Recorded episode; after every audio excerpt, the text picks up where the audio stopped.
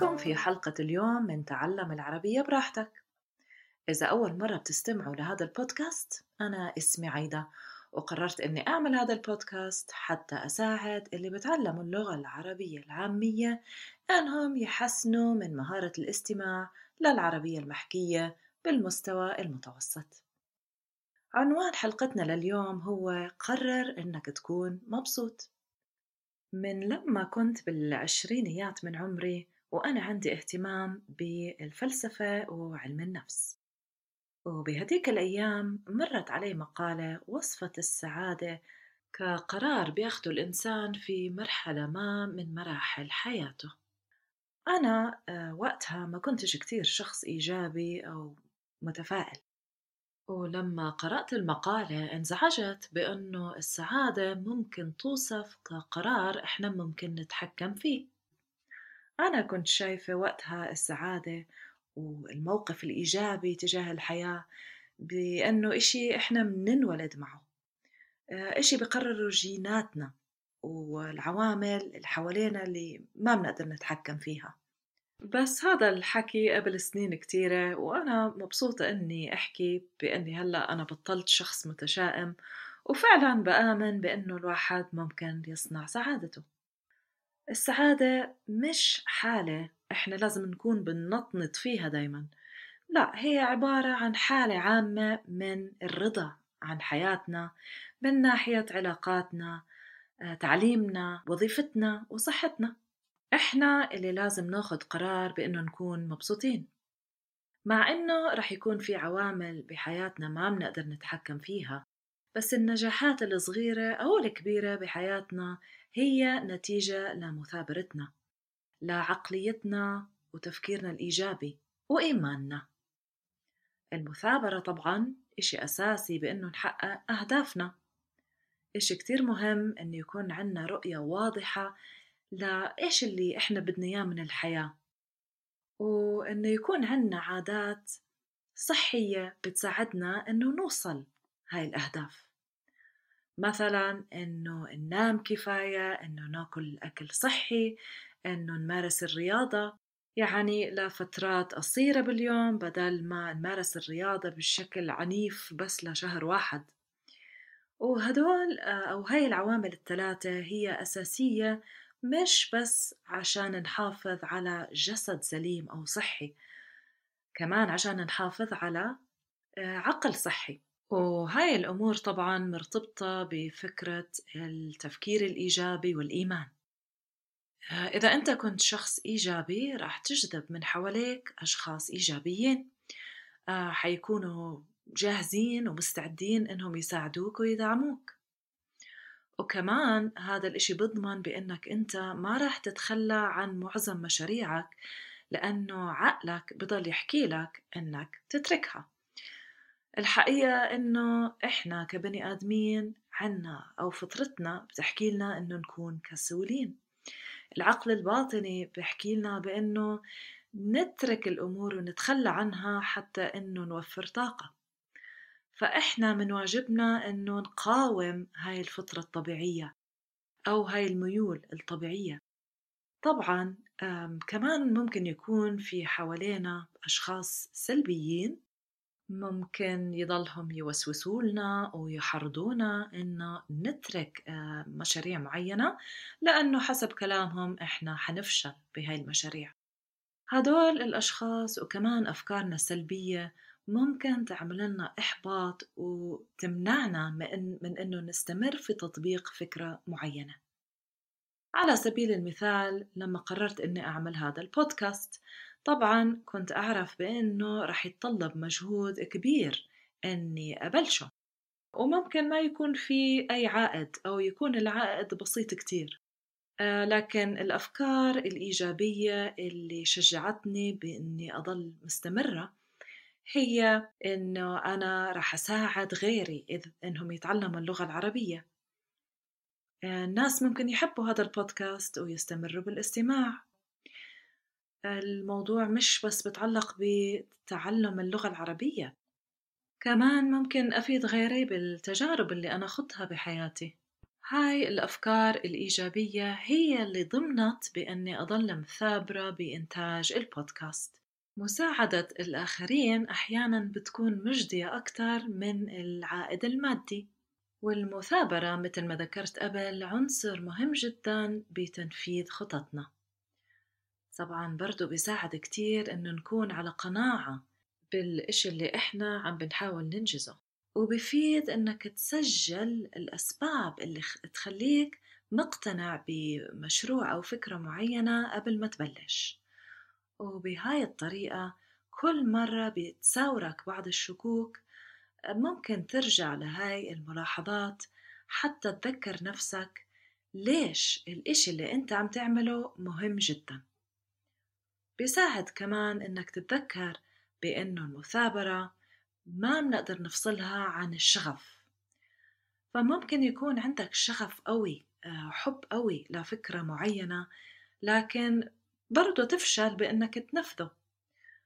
السبب هو أنه بغض النظر عن الشغف اللي عندك إياه تجاه مشروع معين فهذا الشغف كتير من الأحيان ممكن يقل مع الزمن.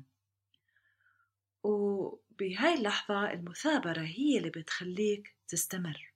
وحتى تسهل الأمور على نفسك بإمكانك إنك تعمل جدول صغير بنهاية الأسبوع تذكر فيها الأهداف أو مخطط للإشي اللي أنت حاب تسويه خلال الأسبوع. طبعا كتير مهم إنك تتذكر إيش هو الهدف الرئيسي بس بنفس الوقت مهم إنك تاخد خطوات صغيرة بكل أسبوع حتى تقدر بالنهاية تحقق هدفك. إذا ما عملنا هيك في مخاطرة أو إحنا بنخاطر بأنه نتوقف بنص المشروع ونحس حالنا منهكين وهذا بالنهاية طبعا بيؤدي لأنه إحنا نتخلى عن خطتنا الرئيسية. طبعا كل اللي حكيته لهلأ بيعبر عن ناحية واحدة بس من نواحي السعادة. لغاية الآن أنا أعطيتكم بس بعض النصائح كيف أنتم ممكن تنفذوا خططكم وتحافظوا بنفس الوقت على عقلية إيجابية. لكن مثل ما ذكرت في حلقة تانية بعنوان شو هي الأمور اللي لازم نتداركها قبل فوات الأوان؟ السعادة ما بتتمحور فقط حوالين نجاحاتنا. مهم كمان إنه نحلل الأمور اللي عم بتصير حوالينا وكمان إيش الأمور اللي عم تحدث بحياتنا الشخصية بطريقة إيجابية. لأنه مش دائما الأمور بتمشي زي ما بدنا بالحياة. وهذا ممكن ينتج عنه إحباط وممكن كمان بعض الغضب. وبهاي المرحلة الإيمان بيلعب دور كبير. يعني إذا أنت بتآمن بالله أو إذا كنت مثلا مش مؤمن وبتآمن بوجود أكبر من نفسك فرح يكون عندك ثقة رح تكون واثق بأنه الأمور رح تمشي بمسار معين لسبب معين. بمسار حياتي أنا شخصيا كان في أحداث وأمور آه، سببت بعض الحزن أو مثلا خيبة أمل. وبس بعد سنين كتيرة أدركت بأنه هاي الأحداث حصلت لسبب محدد وبالأخير آه، كانت نتيجتها إيجابية بالنسبة إلي. فعشان هيك الإيمان بلعب دور بأنه إحنا نقدر نتعامل مع الإحباطات بحياتنا لأنه إذا فهمنا بأنه الرب بأنه الله أو بأنه الوجود اللي أكبر منا إذا كنت غير مؤمن هو اللي عم بيساعدنا بتخطيط حياتنا بأفضل طريقة ممكنة. كبني آدمين إحنا أحيانا ما بنعرف أو ما بندرك إيش المسار اللي أفضل إلنا لأنه علمنا محدود. بينما علم رب العالمين لا نهائي. وبالتالي آه، بالمرة الجاي لما يصير معكم إشي أنتو بتعتبروه سيء اتذكروا بأنه أكيد في سبب مقنع. يمكن لازم تتعلموا درس مهم بالحياة أو بجوز في إشي أنت فكرت إنه كان ممكن يكون كويس إلك بس بالحقيقة كان ممكن تأثيره سيء عليك. خلينا نطلع على مثال. بالسنة النهائية بالمدرسة أنا اخترت المسار العلمي بدل المسار الأدبي لأني كتير كنت أحب الكيمياء والأحياء بس ما كنتش أحب أحب مادة التاريخ والجغرافيا. فكنت حابة أجيب معدل عالي حتى أدرس إشي إله علاقة بهدول المادتين. آه، وبالنسبة للبلد اللي أنا عايشة فيها المسارين أو المجالين اللي مرتبطين بهدول المادتين هم الطب والصيدلة. لكن مع الأسف أنا ما قدرت أجيب المعدل اللي بدي إياه وهذا الإشي أجبرني بإني أختار مسار أدبي بالجامعة. فبالتالي درست الأدب اللغات وبالنهاية الترجمة.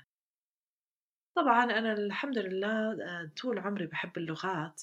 فبالتالي مع أني ما كنتش راضية عن نتيجتي آه، النهائية في المدرسة لكن أنا صفيت عم بدرس مادة بحبها مش مادة بكرهها.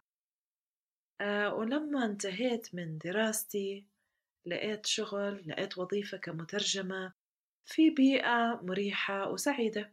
وبدي أعطيكم كمان مثال تاني. في ناس بضلوا متعلقين بشخص معين بحبوه كتير لسنوات كتيرة آه، على الرغم من إنه الشخص هذا برفضهم أو بصدهم.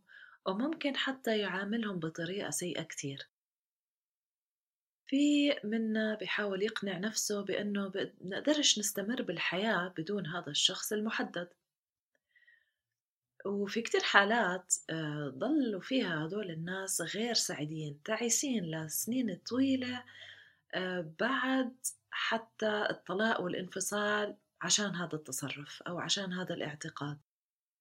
لكن بنفس الوقت في كتير من هدول الناس بعد الطلاق أو الانفصال تعلموا أخيرا كيف ممكن يكونوا هم أشخاص ناجحين وكيف إنه يعيشوا حياة كاملة أو مرضية ويستمروا بحياتهم. هذا مش معناته إنه أنا بشجع الطلاق أو الانفصال. لا طبعا الإشي اللي عم بحكيه هو في حالة إنه كل المحاولات فشلت بإنه نحاول ننقذ علاقة وما في إشي زبط معانا أو إذا كان واضح بإنه العلاقة فاشلة من البداية لأنه الطرفين غير مناسبين لبعض أحيانا ما في أي طريقة غير الانفصال. حتى إنه نعيش حياة سعيدة لازم نحب أنفسنا ونقدر أنفسنا بدل ما إنه إحنا بس نشوف قيمتنا من خلال شخص تاني. لازم يكون عنا أهدافنا بدل ما نضل مرتبطين بفكرة أو متمسكين بفكرة إنه إحنا ما بنقدر نعيش إلا إذا كنا جزء من الشخص الآخر.